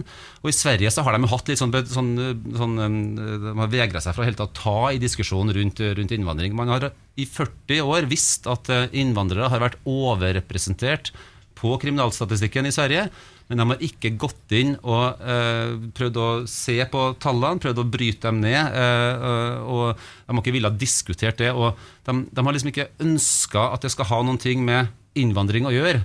Eh, De har snakka det litt bort eh, ved å si at jo da, innvandrerne er overrepresentert, men hvis du ser på hvis du, hvis du vekter det opp mot sosiale forskjeller, de er mer fattige, innvandrerne f.eks., mm. de har lavere utdannelse, så, eh, så, så jevner det seg ut med, med resten av befolkninga i Sverige. Og Sånn sett har ikke de gått inn og sett på utfordringene og problemene, og så har de hatt en annen bosettingspolitikk enn i Norge, eh, og, og de har tatt imot langt flere innvandrere enn det vi har gjort i Norge, og de har nekta å snakke om det. og All kritikk av innvandring har blitt stempla som rasisme av mainstream partier, mainstream media og ikke minst altså stat, politi, offentlig sektor. Så det har vært en sånn, eh, de har vært eh, litt vel politisk korrekt ganske lenge. Ligna litt på Norge på 90-tallet, egentlig. Da høres jo Sverige litt ut som en konfliktsky nasjon. Kan man nesten si at det kan være litt sunt at Sverigedemokraterna har kommet på banen for å blåse liv i nettopp at dette her er noe vi må ta tak i, noe vi må snakke om? Ja, det tvinger seg i hvert fall fram, helt åpenbart. Sånn som vi har sett i Norge. Jeg husker hva det var på 90-tallet, det, hvor eh, Rune Gerhardsen, som var fra Arbeiderpartiet, byrådsleder i Oslo, han eh, gikk ut og snakka om snillisme på norsk. Eh, Vi, å- vi syns at innvandrere bør lære seg norsk. De bør, det bør stilles krav til at de lærer seg norsk når de kommer til Norge. Han ble stempla som rasist Ja. på 90-tallet i Norge. Han var Sylvi Listhaug han han var mye verre enn det Sylvi Listhaug ble fremstilt som nå den gangen. eh, Fra venstresida særlig, da. Fra sine egne. Eh, Og, og så har jo det skjedd noen ting i Norge, og der har vi, tror jeg vi kan takke Fremskrittspartiet, faktisk. eh, For at de på en måte har sånn sett har bidratt til å dytte debatten litt i mer riktig retning. Og vi har, og vi har vært heldige i Norge, syns jeg. Vært flinke i Norge til å ta en ordentlig kan vi si, diskusjon rundt eh, innvandring, og gjort det ganske lenge, i motsetning til Sverige, som har ikke tatt i det, og i motsetning til, Da- til Danmark, som har vært mye råere, egentlig, og mye tøffere i, i, i debatten. Vi har hatt et tøft debattklima vi har tidvis, men i sum så syns jeg vi har vært ganske reale og faktaorientert i innvandringsdebatten i Norge, og det skal vi egentlig være ganske stolt av. Politisk kommentator i TV 2, Aslak Eriksrud, takk for at du var innom og oppklarte litt rundt det svenske valget. Morgen på Radio 1. Vil gjerne starte med et lite nyhetsvarsel. Trump innrømmer at hysjpenger kom fra egen lomme. Fox News melder nå at USAs president Donald Trump innrømmer at det ble betalt hysjpenger til to kvinner som hevder de har hatt sex med han, og at de kom fra egen lomme. Men han visste om det på et, ved et senere tidspunkt. Ja. Denne saken her skal vi ta tak i når nyhetsreporteren vår Kjetil Kjær Andersland kommer eh, litt senere i dag, men jeg tenkte jeg skulle bare eh, si at eh, nå skjer det. Nå, nå skjer det mer og mer. det. Going down! Good time. Og så over til mitt eget liv. Har en overskrift som heter 'Ting som irriterer'. Det kjenner dere kanskje til. Og I går så holdt jeg på å drepe en eh, fjernkontroll. Ja. Eh, Etter en lengre dag så var jeg mer enn klar for å legge meg i sengen og se på Netflix. Eh, Dette er noe jeg gjør hver dag etter jeg kommer hjem fra jobb. Hadde snacksen klar på nattbordet. Eh, Planer om å se en ny serie som dere har anbefalt meg, Sharp Objects, Objects. ja. Mm. Fjernkontrollen funka ikke. Og da lå jeg under dyna med fjernkontrollen, snacks, oppå magen. Eh, Det, jeg kunne jo ikke røre på meg, som dere forstår. ja. Mm. Eh, altså, det kom en sånn mørk sky fylt av sinne over hodet mitt. Dere kan bare se det for dere. Eh, så tenkte jeg sånn, ok, skal jeg kaste fjernkontrollen i veggen? Kan funke det. Eller jeg, kan jeg slå den litt på nattbordet? Ja, det er også bra. Eh, valgte sistnevnte, slo den litt i nattbordet. Eh, ble så forbanna. Emil var jo ikke hjemme, for hvis ikke så kunne jeg jo sendt han en SMS. Eh, Kom inn her og sett på TV-en. kom og hjelp meg. Eh, og så uansett, fordi det, det går ikke å trykke på TV-en uansett, så du må ha fjernkontroll for å se Netflix på soverommet. Ja. Fant ut at det var mangel på batteri. Men jeg, altså, jeg ble så sint og så frustrert. Jeg hadde lyst til å begynne å gråte. Skal jeg sende en snap til noen? Få litt sympati? Ikke vet jeg. Endte med at jeg bare sovnet med liksom tårer i øynene. Åh. Du gråt deg i søvn? du gråt på den store puta di. Men det er to ting. Det er ingenting som irriterer meg mer enn uh, Det er egentlig to ting, da. Tekniske ting som ikke fungerer, og folk uten selvinnsikt. Ja, men det som er liksom forskjellen som jeg synes er litt fascinerende, for jeg har det litt på samme måte selv. Jeg ble ordentlig sånn teknoforbanna. Eh, Jeg kunne jo aldri ha funnet på å gått bort til en person uten selvinnsikt, selv om jeg ikke liker det, Nei. og fika til personen. Men når det kommer til eh, teknologiske ting, så begynner, går jeg rett til vold. Ja. Det var en gang PC-en min ikke funka, jeg kasta den ut fra sjette etasje. ja, og du er en av de, ja. Ja, eh, Det er den eneste gangen jeg har gjort Men det. jeg forstår det, men jeg innså i går at jeg det, altså, det var de to tingene jeg ikke likte. Fordi folk uten selvinnsikt, det er jo meg. Hvorfor blir jeg så sint? Ja! Bare gå ned og hent batterier, eller fiks det. Men jeg, jeg var så trøtt og så gravid. Og, Men jeg tror ikke det er så unormalt, fordi eh, hvis man blir sint på mennesker, så kan man jo ta det opp, man kan krangle, man kan gjøre noe, men det verste sinnet man kan oppleve, er det sinnet du ikke får plassert noe sted. Altså sånn sinne på eh, Ja. været, eller sinne på en, en ting. En sånn. du, du får ikke snakket med noen nå, så Nei. du, det blir bare sånn sinne som ikke du får plassert, og da implo eller eksploderer man. Det er et Nettopp. forferdelig sinne å oppleve. takk for støtten. Jeg trodde dere skulle si at jeg trengte sinnemestring. Nei, nei, nei, nei, nei, nei. Tusen hjertelig takk, dere er fine folk. apropos dette med den kula du har på magen, eh, Samantha. Ja. eh, Så har jo vi begynt å sette i gang en liten navnedrodling. Du skal få Ja. en guttebaby. Vi lurer litt på hva den skal hete. Du trenger jo tips her, åpenbart. Du har ikke kommet på noe navn ennå. Nei. Um, og da har vi fått inn en del forslag på Facebook. Uh, Danny, eller Danny, spørs Mm. hvordan han uttaler det. Jeg sier Danny, jeg. Ja, er det Ja. en som eh, heter Danny som har Ja, det er en som heter Danny som har sendt en melding. Og Han, han foreslår Danny. Men Danny er jo kjempesøtt. Men Danny er fint. Men det er litt sånn, det, det føles litt ut som et kallenavn. Altså, du må Ja. kanskje kalle den for Dan eller Dan. Ja. Ja. jeg tenker på Danny og den store fasanjakten, og så tenker jeg på en ting til. Og dette er kanskje en nasjonal hemmelighet som jeg nå er i ferd med å, å røpe. Men uh, jeg prøvde for mange år siden å uh, booke Dan Børgo Akerø som gjest uh, til et program jeg ledet. Eh, og eh, han takket pent nei fra sin mailadresse. Jeg skal ikke si hele, men før på en måte alfakrøllen så var det Danny Boy. så du må gjerne kalle babyen din Danny, men da er du nødt til å tenke litt på Danny Boy, Dan Børge Akerø hver gang Eller bare du Børge. legger ham til brystet. Det er jo litt søtt, da. Børge er bra. Eh, jeg ser at Tommy Bakke her har eh, foreslått Max Harry Svendsen. Ja, det er jo Kjæresten din heter jo Svendsen til etternavn. Ja, vi var innom eh, Harry Hegle i går. Mm. Eh, det gikk dessverre ikke gjennom eh, hos, hos meg, Nei, det egentlig. Men Max elsker jeg. Det er et navn som eh, vår gode venn Niklas Baarli, som er ute og flotter seg i naturen Mm. akkurat nå, eh, det, det er hans favorittnavn. Ja, det er Jeg fint navn, det. elsker Max, men Emil liker det ikke. Liker han ikke Max? Nei, han mener at det er et eh, adjektiv. Han mener ikke at det er et navn. Å ja, Max Jeg syns- Gira, liksom. Ja. Jeg syns det er viktig at eh, begge foreldrene liker navnet på barnet sitt. Det vil jeg bare sette som et premiss for navnet. Så ikke trumf gjennom noe. Begge må like navnet. Ja. Det er veldig veldig viktig. Jeg, eh, vi har både Vi har ett navn hver. Det er liksom Hans navn er Max, det er på hans nei-liste. Mm. Og min er Anton. Jeg synes det er veldig eh, Jeg har egentlig ikke noe imot det navnet, men min sønn kan ikke hete Anton, dessverre. Han kan ikke det, nei. Kan jeg ta et, bare et kjapt et her òg? fordi det er et land- navn jeg liker ganske godt. Uh, det er mange som foreslår sitt eget navn, det liker jeg. Edvin foreslår Edvin. Ja, men det er jo Edvin er fantastisk. Det Det, foreslo du i går. Ja. Jeg, må, jeg må foreslå dette, Emil. Jeg skal ta det med meg hjem. Jeg tar med deg Edvin. Jeg Ja. lovte at jeg skulle sjekke navnedagene i dag på Google, og det har jeg altså klart. Eh, Jeg fant det til slutt. Ja. Det var ikke så vanskelig. Men i dag er det ingen gutter som har navnedag. Eh, Det er bare Signe og Signy, og Signe heter jo min datter. Så jeg foreslår det, selvfølgelig, men eh, det får bli da til neste baby. Ok, Mm. til neste gang, ja. Ja. Ja. Eller så kan vi bare begynne med sånn som de gjør i USA, at alle navn er kjønnsnøytrale. på en måte Alle kan hete alt.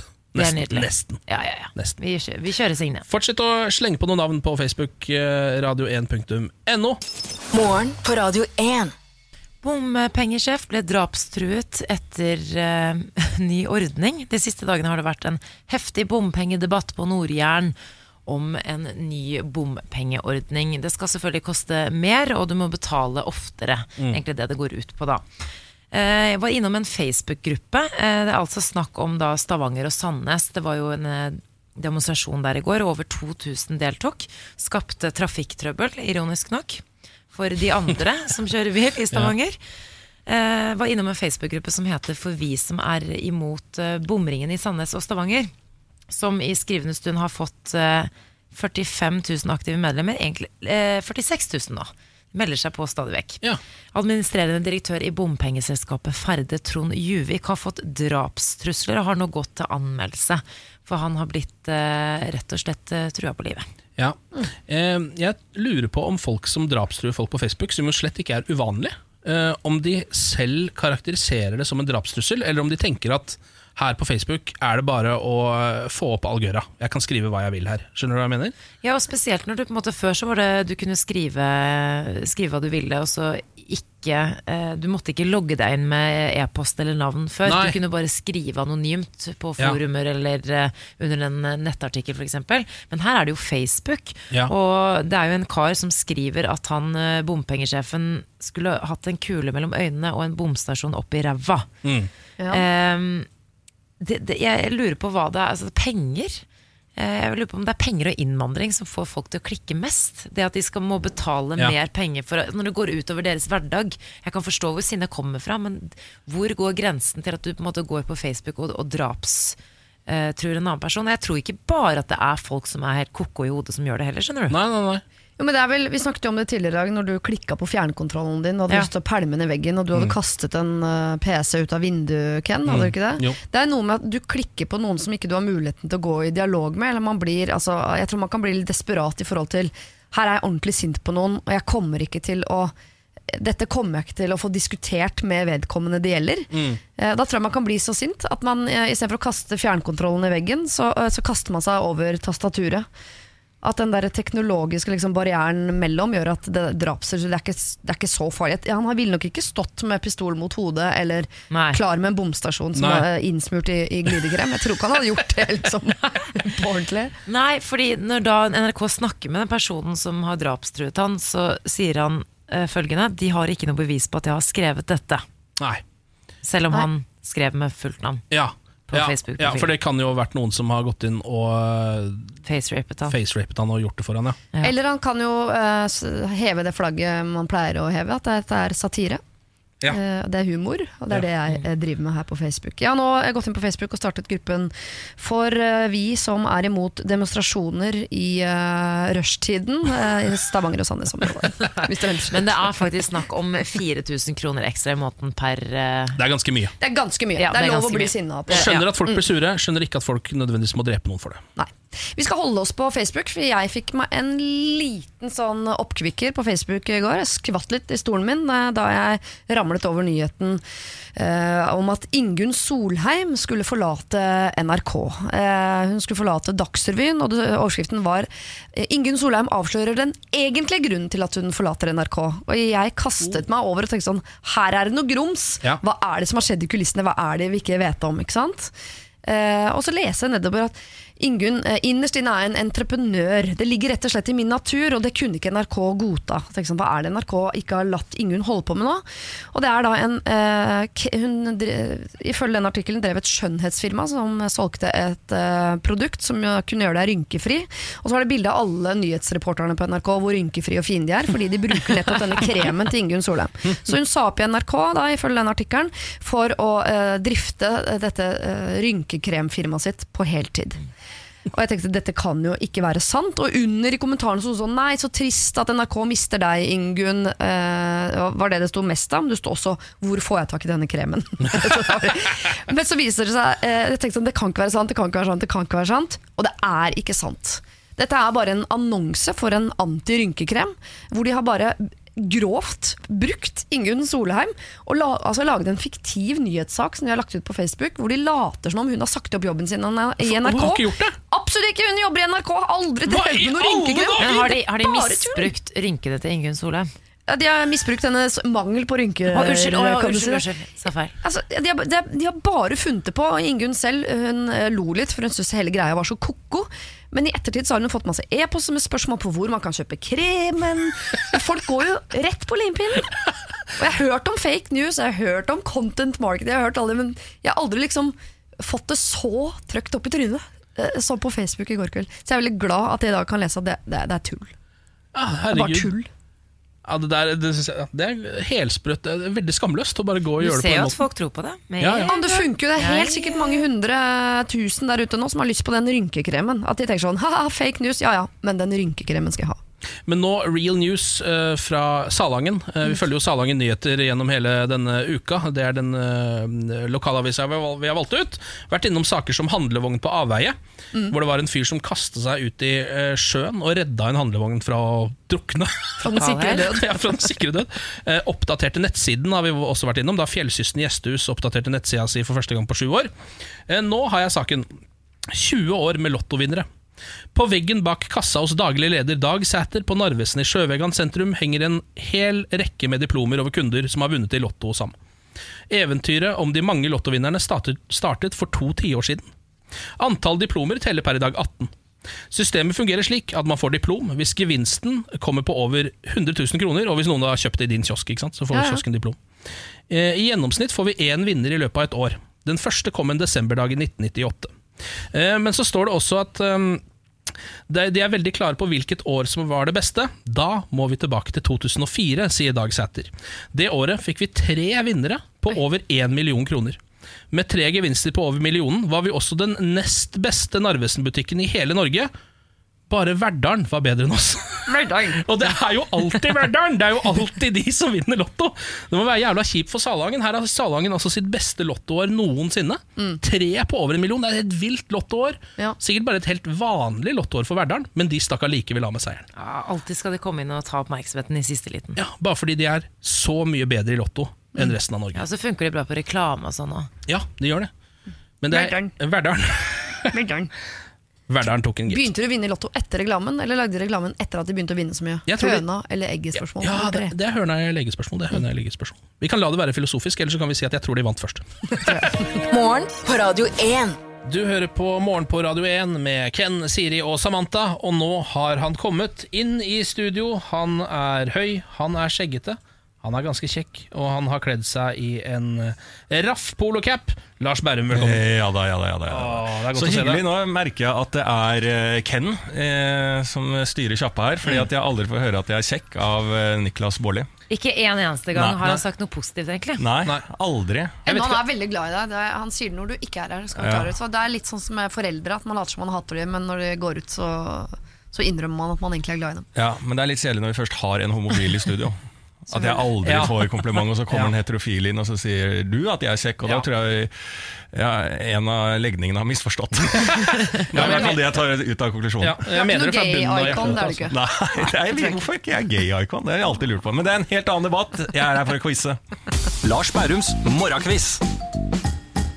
Apropos det gay-iconet her, da. Eh, vi er ferdig med det. Eh, jeg er her som sagt for å quize. Det er tre spørsmål. Alle skal besvares, helst riktig. Og inn eh, fra sida i dette quizlaget her, så er jo du, Siri Kristiansen. Ja. Tidligere har jo du bevist at du er en styrke for laget. Jeg kommer veldig an på temaet. Hvis det er geografi eller historie, så kan du bare glemme å få noe innspill fra meg. ok. Men jeg har lyst til å starte denne quizen med et lite, lite musikklipp. jeg. Ja, har? Vi skal ikke ha lagnavn? Jo, fader! Å, herregud, dette er lagnavngreiene, ja. ja. Jeg, prøver, jeg prøver å komme meg litt bort fra det. Nei, jeg har forberedt meg der, nemlig. Å ja, der For er jeg du tenkte Hvis forberedt. ikke du leverer på quizen, så kan du levere på navn. Å ja. Jeg vil at vi i dag skal hete Bear PNP. Bear PMP. Ja, altså Som i Airbnb, Oi. bare at det er eh, øl, og så må du tisse tisse etterpå. Ah, Ja. godkjent. Det har ikke noe godkjent. med quiz å gjøre. Nei. Jeg synes bare det er et, et godt ordspill. Ja, ja, godt ordspill. Det, vi tar inn eh, Alt er lov i denne navnegreiene. Jeg prøver bare å unngå det, fordi vi sliter så mye med navn. Ja, ja, ja, ja. Men nå heter vi Bear PNP i dag, da. Ja, det var jo kjempefint. Ja, det er det. Da vil jeg starte med første spørsmål, og det starter med et eh, lite musikklipp. You got me pity, pity, pity, baby. Ja, Ja, Litt for å komme i den gode stemninga. Vi alle vet jo hvem dette er. ja, ja. Ja. Hvem er det da? Beyoncé. Ja. Men hva heter ja, ja, hva, ja, hva er det fulle navnet til Beyoncé, da, dere? Det er spørsmålet. Ja. Beyoncé Knowles, er sikkert noe mer. Ja, ja, Så skal du ha med mellomnavn og sånt også? Jeg vil gjerne ha hele navnet, altså. Farken. hun heter garantert sånn Shoshana eller noe Ja, sånt. Men jeg tror Beyoncé er hennes Shoshana-navn. Hun heter sikkert sånn Beyoncé Ann Knowles. Ja, sånn, ja. Ja. ja Britney and uh, Beyoncé Knows, liksom. Ja, Samantha var veldig inne på noe. Det, det, Å, såpass kan jeg si. Ja. Ja, det, da er det et normalt navn. Eller unnskyld. eh, Eller, Ja, Beyoncé er ikke normalt navn, det kan vi Så politisk korrekte kan vi ikke være. ja, off, Jeg tenker du at det er noe i retning av Anne Marie, liksom? Ja, typ, altså at det er og jeg lurer Jeg vet ikke hva det er, men jeg Men- tipper at det er noe sånn som Anne. Men du sa Beyoncé-Anne. Skal vi prøve Beyoncé-Anne Knowles? Eller? Eller er det Britney eller Jessica Simpson som heter Anne? Ja, vi kan godt si Anne. Ja. Ja. Beyoncé Ann Knowles. Ja, Så Knowles er eh, det fulle etternavnet. Åh. Hva heter Vi kan ikke bare gjette på et etternavn. Nei. Liksom. Nei, glem det. Nei, men du Det det? fins jo mange, mange logiske måter å gå inn på for å finne dette etternavnet. da Ja, men Hun har sikkert tatt navnet til mannen sin også, så nå heter hun også Beyoncé Knowles Puff Carter. Daddy, eller hva hva han er gift med. Ja, Er det Carter eller er det Puff Daddy? Det er jo Beyoncé spørsmål. Jay-Z Knowles Knowles. Carter. ja. En gang til. Beyoncé and Knowles Carter. Ok, Da går vi til spørsmål nummer to. Du er bleik og feit. Jeg er brun og blid. Er et av mange gode sitater fra det nye programmet Ex on the Beach. Belina. Dette er en TV Norge-serie, ikke sant? Og snart kommer TV3 med det konkurrerende datingprogram. Hva heter det? Love, Love Island. Island. Love Og hvem er programleder? Tone Damle Aaberge. Tone Damli Aaberge. Ja, Nå sier vi bare Tone Damli, tror jeg. Har du ikke fjerna Aaberga? Det er mulig okay. Lars tar oss rundt. Jeg var en ganske streng quizmaster. Tone Damli, for hun har ikke tatt til seg det der Kleggan, eller hva han heter, han fyren hun er gift med. Mm, Foss, er det? Fosseren. Men de er ikke gift. Jeg, det, er, det er Tone Tone Damli. Fosseren nå? Ja, det er Tone Damli og Love Island. Er det en- endelig svar? Ja. Ok, Da går vi til spørsmål nummer tre. Hvem vant Folkets film på Amandaprisutdelingen? Jeg vet. Folkets pris eller Folkets eh, film? Mm, Ja, hva er det ja, altså det, Hvis du uh, har begge der, okay. start litt, så skal jeg hjelpe deg.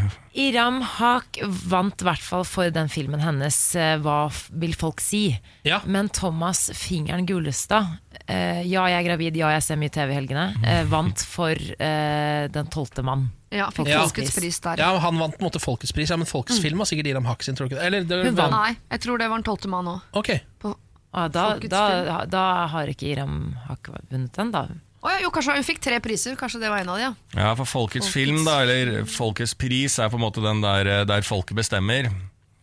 Å ja. Ja, jeg skjønner. ja. For hun fikk mange priser, men det var kanskje mer sånn jury, jurypriser, hvis du skjønner. Jeg ser liksom ja, men Han som gikk opp på scenen som ble så forbanna, Han ble forbanna for han mente at det var feil at hun eh, Mange ting, men han syntes også det var rart at hun fikk priser, Men jeg tror han også Leon Leon Bashir. Bashir. Leon Bashir ble sur derfor at han mente at folket hadde stemt på hennes film pga. Så husker jeg ikke hvorfor.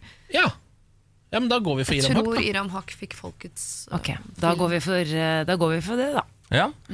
Da får vi alle svarene, da. Ja, Da starta vi å si, stille spørsmålet hva er Beyoncé sitt fulle navn. Her svarte dere Beyoncé Ann Knowles Carter, gjør dere ikke? Jo.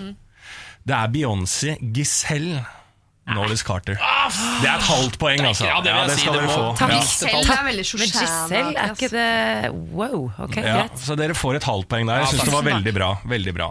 Og så var spørsmål nummer to. Du er bleik og feit, jeg er brun og blid. Var da en av mange gode Ex on the Beach-sitater. Jeg var ute etter konkurrerende datingprogram som kommer på TV3. Dere sa Love Island, og dere sa at programlederen da heter Tone Damli. Ikke Tone Damli Fosseren. Det er helt riktig. Veldig bra. Og så, sist, men ikke minst i denne quizen, eh, så kom spørsmål nummer tre. Hvem vant Folkets film på Amandaprisutdelingen, eller Folkets pris? Der endte dere opp etter en diskusjon om det var Tolvte mann eller Iram Haak sin film, hva vil folk si? Endte dere opp på Iram Haak sin film? Det var Den tolvte mann. Siri første Ja. f- Filleren. Fingeren var oppå der, og det så ut som det var han som vant en eller annen eh, individuell pris, men det var, det var på vegne av filmen, altså. Ja, ja, Og det var Harald det, Svart var ikke til stede, så det, jeg skjønner at man kan få inntrykk av at han vant en eller annen eh, individuell Fy pris. faen, for en reise fingeren har hatt. Altså, det- Sist gang han vant pris, så var han der oppe sammen med Klovner i kamp på Spellemannprisen. Ja. Eh, Stå i boksershortsen med ballene hengende halvveis ute, og dro sånne ordspill eh, på Han sa Nå skal jeg si noen eh, kjendiser med kroppsdelsnavn. Ari Ben, Gunvor Hals. Ja. Det var det fingeren var for. Ja, og nå ja. er det noe helt annet. var han der og tok imot en stor, stor pris. Det var ett av, ja, ett og et halvt av tre mulige, det. Ja. Jeg syns det er fint, det. Det er Ja, greit. Helt ok. Vi kommer sterkere tilbake. Ja. Lars, eh, ha det bra. Ha det. Morgen på Radio 1. Hverdager fra seks. Eh, og vi skal snakke om Donald Trump. Det er jo turbulente dager for den amerikanske presidenten. Eh, For første gang siden Watergate-skandalen så anklages en amerikansk president for å være personlig involvert i ulovlig valgkampfinansiering. Eh, For å hjelpe oss litt med å forstå alt som har skjedd her, så har vi henta inn eksperthjelp fra Radio Norge-nyhetene. Kjetil Kjær Andersland, velkommen skal du være. Tusen takk for det. Vi kunne jo lese i går om Donald Trumps mørkeste dag som president. Det var det de kalte det. Eh, kan ikke du forklare litt hva som har eh, skjedd der, Kjetil? Ja, I går eh, smalt det, altså, for det var to store nyheter. Det ene var hans tidligere valgkampsjef, Paul Manafort, som ble dømt for en rekke tilfeller av økonomisk kriminalitet, bl.a. av skattejuks. Men dette har jo egentlig ikke noe med Trump å gjøre. Så Det som var den mest alvorlige tingen som kom frem natt til i går, da, det var at hans tidligere advokat, Michael Cohen, han eh, mente, han tilsto for en eh, domstol i USA at han hadde gitt penger til to kvinner som skal ha hatt et forhold med Trump, for såkalte hysjpenger, for å holde kjeft. Og eh, disse pengene de, eh, de skal da komme fra valgkampmidlene til Trump. Og ikke nok med det, han sa også han gjorde dette på instruks fra Donald Trump. Ja, hvorfor er Det Det er jo eh, pornostjerna Stormy Daniels og tidligere Playboy-modell Karen McDougal eh, som de pengene da har gått til for at de skal holde kjeft. Hvorfor er det så alvorlig? Derfor I utgangspunktet så er jo ikke dette ulovlig i USA å gi penger til folk for at de skal være stille. Sånne kontrakter inngås hele tiden og er fullt lovlig, men her er det da at man har brukt disse valgkamppengene, og de skal ikke da, det skal ikke gis mer enn en viss sum, og her har man gått over den lovlige summen. Så egentlig er jo dette ganske teknisk. det er ikke Sånn som vi kanskje kan tenke oss at det er det faktum at du gir penger for at folk skal holde kjeft om noe som har skjedd, men det er det at man har brukt disse pengene som går til valgkamp, og som skal brukes i eh, mindre summer da, enn det som har skjedd her. Donald Trump han har jo eh, kalt det her en heksejakt hittil, men pipa fikk vel en litt sånn annen lyd eh, i natt, Kjetil, stemmer ikke det? Jo, han eh, har vært veldig hard i, i klypen. I går så kommenterte han egentlig bare denne Manafort-dommen. Og han Manafort virker jo fortsatt å være lojal. Han virker som rett og slett har en kule for presidenten, for han vil ikke samarbeide med påtalemyndigheten. Mens Michael Cohen eh, ser da ut som å dolke han i ryggen. Og eh, først nå i, i natt til i dag så kommenterte Trump da denne siste utviklingen eh, da han snakket med Fox News. That's a big thing. That's a much bigger thing. Did they come out of the campaign? They didn't come out of the campaign. They came from me, and I tweeted about it. You know, I put, I don't know if you know, but I tweeted uh, about the payments. But they didn't come out of campaign. In fact, my first question when I heard about it was, did they come out of the campaign? Because that could be a little dicey. And they didn't come out of the campaign, and that's big. But they weren't, that's not a, it's not even a campaign violation. Ja, eh, Her er han da på Fox News, og her hevder han jo at disse pengene kom fra hans egen lomme. Ja, det er jo det som er poenget med det han sier her, er at han understreker det. og det er jo, Han er jo en mester i å gjenta seg selv. Det er jo, Han sier jo omtrent bare tre ord i dette kuttet her. Men det, det er jo det som han sier, at disse pengene kom ikke fra kampanje, eh, kampanjebudsjettet, da, for å si det sånn. Ikke pengene samlet inn til valgkampen. Men stemmer det at han har tvitret om det tidligere? At han hele tiden har vært ærlig om at disse pengene har jeg gitt? Jeg har ikke dobbeltsjekket det, men han har tidligere uttalt at han har eh, gitt penger til disse kvinnene. Ja. Så det, jeg forstår at du ikke har gått gjennom uh, hans eh, tweet-feed. Det Eh, det, det går fint, altså. Men det virker jo ikke som om det er på en måte det mest alvorlige, at disse to har blitt tatt. Det som du sa det, Paul Manafort virker jo som han er lojal. Det som virker skummelt nå, er jo at uh, Cohen og Trump de er jo uvenner. Eh, ja. Så det holder. Og eh, liksom, det er der det sprakk. Fordi nå har jo ikke Cohen noe å tape, for han er jo tatt. Og det er jo det man spør seg om nå. Da har han noe mer på lager som han kan fortelle påtalemyndigheten? Han skal jo for retten, han er jo ikke dømt ennå, han har bare da tilstått dette forholdet her. Og det virker jo da som han er i fullt samarbeidsmodus, Mm. så hvis han nå har masse mørke hemmeligheter om Trump, så kan det jo se mørkt ut. Men, eh, Samtidig så er det jo sånn at Trump er veldig godt beskyttet som president. Han kan jo faktisk ikke dømmes for noe i en eh, amerikansk domstol så lenge han er president. Nei, ikke sant? Da man først uh, Han er immun, som det heter. Sånn at uh, det som faktisk må skje der, er jo at det må være en politisk prosess med riksrett. Og der er jo uh, republikanerne i flertall i Kongressen, så foreløpig så sitter han ganske trygt, faktisk. Men uh, hvorfor eh, er han så opptatt av at han har betalt det selv? Utgjør det noen forskjell at det har kommet fra hans eh, lomme? Ja, det, det er det som er nøkkelen på om dette er lovstrid eller ikke. Hvis han bare har betalt dette hvis han, det, det, Her er det jo snakk om 130 000 dollar til Stormy Daniels, det er en drøy million kroner, og 150 000 dollar til Karen McDougal, som er denne Playboy-modellen. Um, disse pengene, hvis han bare hadde tatt de fra sin egen formue, så ville det vært fullt lovlig. Og Ja. ikke noe galt med det isolert sett. Så det er da om dette er valgkamppenger. Og det er jo derfor han også da gjentar det til det kjedsommelige i det klippet vi hørte her. Og uh, at han da er så opptatt av at, uh, at dette ikke stemmer, det som, uh, som denne Cohen. I etterpåklokskapens lys hadde det vært bedre for Trump om han bare hadde stått fram med disse to forholdene. For nå vet jo alle om disse to forholdene har hatt til kvinnen, og i tillegg om eh, de, disse pengeskandalene rundt. Du kan jo godt si det sånn, være, liksom? men, jeg er jo bare fascinert av hvordan Trump hver eneste dag klarer å endre spilleregler, egentlig. Altså, Mm. Det er jo ingen annen amerikansk politiker, hvis vi går bare fem år tilbake i tid, kanskje, som kunne gjort de tingene Trump gjør. Og han gjør det jo eh, skamløst og kommer unna med det hver eneste gang. Så eh, jeg, jeg vet ikke helt, men det virker i hvert fall som hans kjernevelgere bryr seg jo omtrent ikke. Som han har selv har sagt, han kunne skutt en mann på Manhattan, og folk ville fortsatt eh, digget han. Men hvis vi bare helt sånn avslutningsvis Hvis det viser seg da at han er involvert i dette, hvis de klarer å bevise det, eh, valgjukse, hvor alvorlig vil det være for Donald Trump? Nei, som sagt, Isolert sett så kan ikke han dømmes for det, men da, det vil jo selvfølgelig se dårlig ut. Og så kan det da, nå skal det være valg til høsten i USA, hvis demokratene da får flertall i ett av husene, en av de to delene av Kongressen, så kan de stille han for riksrett. Men så er det sånn at begge disse husene skal ha flertall for, og de får ha to tredjedels flertall i Senatet, og det kommer ikke demokratene til å få nå. Så eh, for å si det sånn, det er mer sannsynlig at Donald Trump er president også om to årene ikke. God bless America. God bless America. Kjetil Kjær Andersland, tusen takk for besøket og oppklaringen rundt eh, Donald eh, Trump. Dette er morgen på Radio 1. Du hører på Morgen på Radio 1 med Ken, Siri og Samantha. Og Lars Berrum. Ja. velkommen tilbake, Lars. Hei, hei, hei. Eh, du er jo her nå fordi du er Norges ypperste slampoet. Verdens. Verden, er det på verdensnivå nå? Jeg, jeg er best i verden ja, akkurat nå. Men det, den justeres jo fra dag til dag, den slampoet-tabellen eh, Ja. internasjonalt. Ja. Men akkurat i dag så leder jeg. Ja, du, Ja. du leder i dag, ja. Ja. Da kan vi forvente oss noe voldsomme greier. Er du klar, eller? Ja. Slampoesi. Nei! Jo, Niklas. Nei! Nå blir det slampoesi. Fuck! Hva er dagens tema? Dagens tema er Premier League. Det er en liten fin historie om Premier League.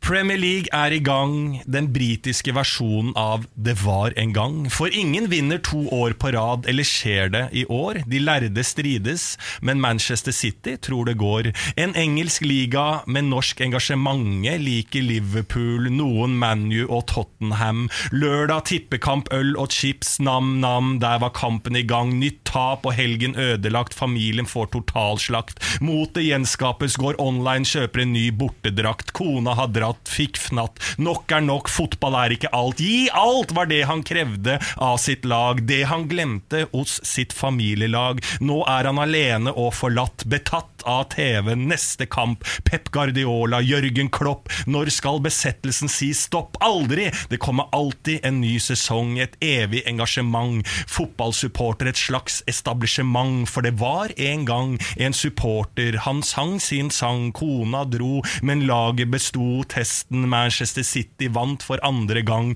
Ingenting kan utkonkurrere den festen. Ja, ja der er du, det, det eskalerte fort der. Ja. Eh, Mange det- kjenner seg igjen i dette her. Ja. Ikke sant? Mm. Dette her er, der, der stikker jeg fingeren ned i folkets vepsebol Ja. og rører med sjela deres. det det Ja, og bare På den fingeren har du litt eh, honning. Fordi du, eh, en ting er at du har klart å snu Niklas sitt eh, syn på slampoesi. Jeg tror du er i ferd med å snu en hel eh, nasjon. mm. og deres syn på slampoesi. Hvis ikke man liker det greiene der, da må man sitte inne. Ja.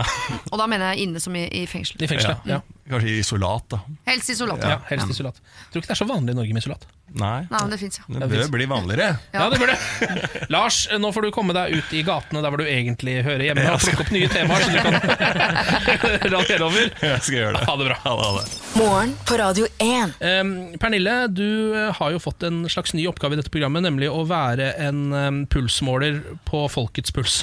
Pul eh, folkets pulsmåler, det er eh, det jeg er, rett og slett. Du er redaksjonens Fitbit. Åh, det er fint, da. Det, det, vet du hva, det liker jeg veldig godt å Mm. være, fordi det er så langt unna min egen personlighet som mulig. Ja. Å kjøpe en Fitbit og bruke det. Så derfor så kan jeg prøve noe nytt nå, da, på jobb. Du har jo vært ute og sjekka hva folk mener om ulike ting, eh, og nå sist så begynte vi å snakke om dette med tissing i dusjen.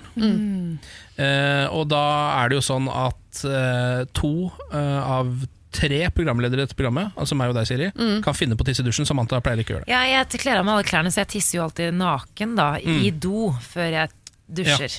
Ja, for jeg fant ut i går eh, da jeg gikk i dusjen at det, dette her er det mest jeg, altså Med en gang jeg skrur på vannet og går inn i vannet, så begynner jeg å tisse. Ja, ikke sant? altså, sånn, det, var, det var litt for mye, nesten. Altså, sånn, jeg ble overrasket over meg selv. Kan jeg stille et spørsmål? Vasker du Fordi dere jeg nekter å tro at dere som tisser i dusjen, i hvert fall kvinner, liksom sprer bena og passer på at ikke strålen treffer dere. Den treffer lår, Ja, ja, er eh, Ja, ja, ja, kne, tær. Vasker dere dere med såpe der da etterpå? Ja. Ok, bare lurt. Det er derfor vi går i dusjen, er for å vaske oss med såpe. For dere skal tisse, og så Ja, dere går jo Ja, skjønner. Logikken. Folket, eh, jeg lurer på om noen har løyet. Eh, Ja, Er folk ærlige på dette? Det er jo- Ja, Det er litt vanskelig å si, for at jeg er ikke så intuitiv hva, kom, hva gjelder mennesker. Så det på en måte, når jeg ser noen inn i øynene og de sier 'nei, det gjør jeg ikke', så er jeg sånn 'ok, det gjør du ikke'. Men jeg tror at noen har løyet. Vi får se. Uh, once in my life, yeah. But now I don't do it anymore. Sure. Nei. Nei. Nei. Nei. Nei. Nei. Nei. Nei. Det gjør jeg aldri. Det er ekkelt. Ja. Ja. Eh, ja. ja. Ja, kanskje. Nei. Eller jo, mest sannsynlig, for alle gjør det egentlig. Ja, der har du det! Men intuitivt eh, Han svarte jo på det folket eh, intuitivt svarer. Nei, jo. Ja. Ja, skjønner. Man har lyst til å si nei, men ja. Mm. Og jeg er, det var en her, eh, hun eh, som sa nei, det er ekkelt. Hun, ba, hun sa også at eh, jeg tisser ikke engang i sjøen. Ah, Og det er typen, ja. veldig rart. Du mener at hun ikke er troverdig? Jeg mener at det er veldig spesielt, for at jeg ville aldri oppsøkt et toalett hvis jeg hadde hatt sjøen i nærheten. Men jeg Eller tror, hadde jeg- tror det folk svarer på egentlig er ikke eh, Når man sier nei, det er ekkelt, så tror jeg ikke man syns selve akten å tisse i dusjen er så ekkelt. Man syns det er ekkelt å tenke på at å ja, har noen andre tisset her før meg? Ja. Står det jeg i annenmanns urin? Ja. Og det er det samme sjøen, det er ikke ekkelt å tisse i sjøen. Da tenker du sånn, svømmer jeg nå egentlig i et slags potpourri av den norske befolknings Ja. urinade? Ja. Det er det som er ekkelt. Ja, ja. men jeg der fikk jeg litt vann i munnen. Sjøvann i munnen, liksom. Og jeg trodde du fikk vann i munnen av det jeg sa nå. Nei, Det det jeg trodde jeg hadde vært et problem. oh, det er veldig spesielt. Men allikevel, kan jo, man kan jo drikke urin, så så ekkelt er det jo ikke. Ja, jeg har faktisk en gang drukket min egen urin, men da kjørte jeg den gjennom en Jeg hadde fått en ny filtreringsflaske, eh, for jeg skulle til Sør-Sudan, så da må man ha med seg sånn vannfilterflaske. Ja. Og da testa jeg den rett og slett ved å kjøre min egen urin gjennom, for se hvor bra den var. Ja. Um, og det smakte urin etterpå også, så det var ikke noe særlig. Så der har dere den. Eh, Men til i morgen, Pernille, Pernille, uh, dukka opp et kanskje litt kuriøst stridstema uh, mellom meg og en kompis her om dagen, da vi snakka om uh, desserten banansplitt. Eh, fordi da begynte vi å snakke om varm banan, som han var veldig for. Jeg er litt imot. Det kan jeg stille Så jeg tenker varm banan. Ja, det er, er du for eller mot varm banan? banan. Akkurat nå så jeg for meg eh, bananbrød. Det er kanskje ikke akkurat For det, det må være selve bananen som er varm. Ja, jeg tenker det. Nei, jeg er for det også. Er er du- dritgodt. Er? Varm banan er eklere enn eh, tissing i eh, det offentlige. Altså. Det, jeg ville heller faktisk nesten drukket tisset til alle i dette rommet før jeg spiste varm banan, for jeg syns at varm banan ikke engang er liksom hundemat. Altså, jeg jeg, ikke nå skal jeg teste den uh, uh, ungdommelige jeg holdt å si, rebellen i deg, mm -hmm. uh, Pernille. For hvis det er sånn at det, er flertall for at eh, folk syns det er godt, så må du faktisk gjøre det du nettopp sa. spis, altså, It's a dare. Tis, tis, spi, drikke deres tiss. Ja, du sa jo du syns det er bedre enn å spise en eh, varm banan. Eller så kan du også få lov til å spise en varm banan. Ja. Du kan jo velge. Å, Ja, nei, ja, der ser du. Kan ikke heller du bake bananbrød til oss, da? Samantha? Jeg kan ikke bake, jeg sånn bare spiser. sånn. Jeg elsker spiseboks. Lager Men det er, nå som du skal bli mamma, så må du lære deg å bake. Ja, men Stikk ut og sjekk hva som er folkets mening om varbanan. Er de for eller mot? Eh, Er det vi som er rare, eller er det vi som er vanlige? Det er som regel det vi lurer på. Ja. Morgen på Radio 1. Hverdager fra sex. Ben Affleck sliter. Vi skal til Hollywood, til Malibu i California. Jeg eh, følger jo da slavisk med på dailymail.co.uk, som er en av de bedre eh, kjendisnettstedene. Eh, Vi har jo også en nettside som heter TMC, Ja. som er litt mer sånn eh, amerikansk eh, trash, kan Ja. du vel si. Men eh, uansett ser vi bilder her av Ben Affleck eh, i en bil. Han ser rimelig svett ut. Han har jo eh, kommet ut av skapet, om man kan si, når det gjelder i hvert fall det å være alkoholiker. Ja. Han har jo slitt med alkoholen de siste årene. Vært på rehab kanskje tre-fire ganger. Men nå ser jeg her da Han var jo gift med en Hollywood-skuespillerinne som heter Jennifer Garner. Ja. Og de har da tre vakre barn sammen. Og nå ser jeg her at uh, denne saken handler om at hun har faktisk kjørt hjem til han, hentet han uh, for å kjøre han til rehab igjen, stoppet på en Jack in the Box så han kan få seg fast food på veien. Og da tenker jeg bare, kan vi hylle denne kvinnen litt? Ja, det er deilig.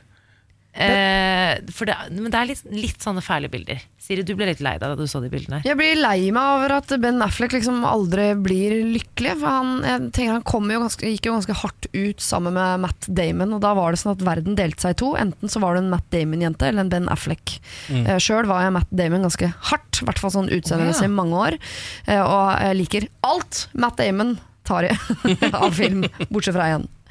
Eh, så jeg har ikke vært Ben Affleck-jente før de siste årene, hvor han plutselig både har lagd gode filmer og spilt i gode filmer. Mm. Men Jeg blir så glad når folk jeg ikke har trua på, kommer og pisser meg i trynet. på en måte Det føler jeg Ben Affleck har gjort, så jeg har blitt veldig glad i han. Og da blir jeg lei meg når han får sånn kortisonfjes, sånn oppblåst kortisonfjes, og, og, og sliter psykisk. Ja, det er heier på det. han. Og han ble jo da nylig sammen med Han fant jo kjærligheten på ny med en sånn eh, Saturday Night Live-skribent som heter Lindsay. Mm.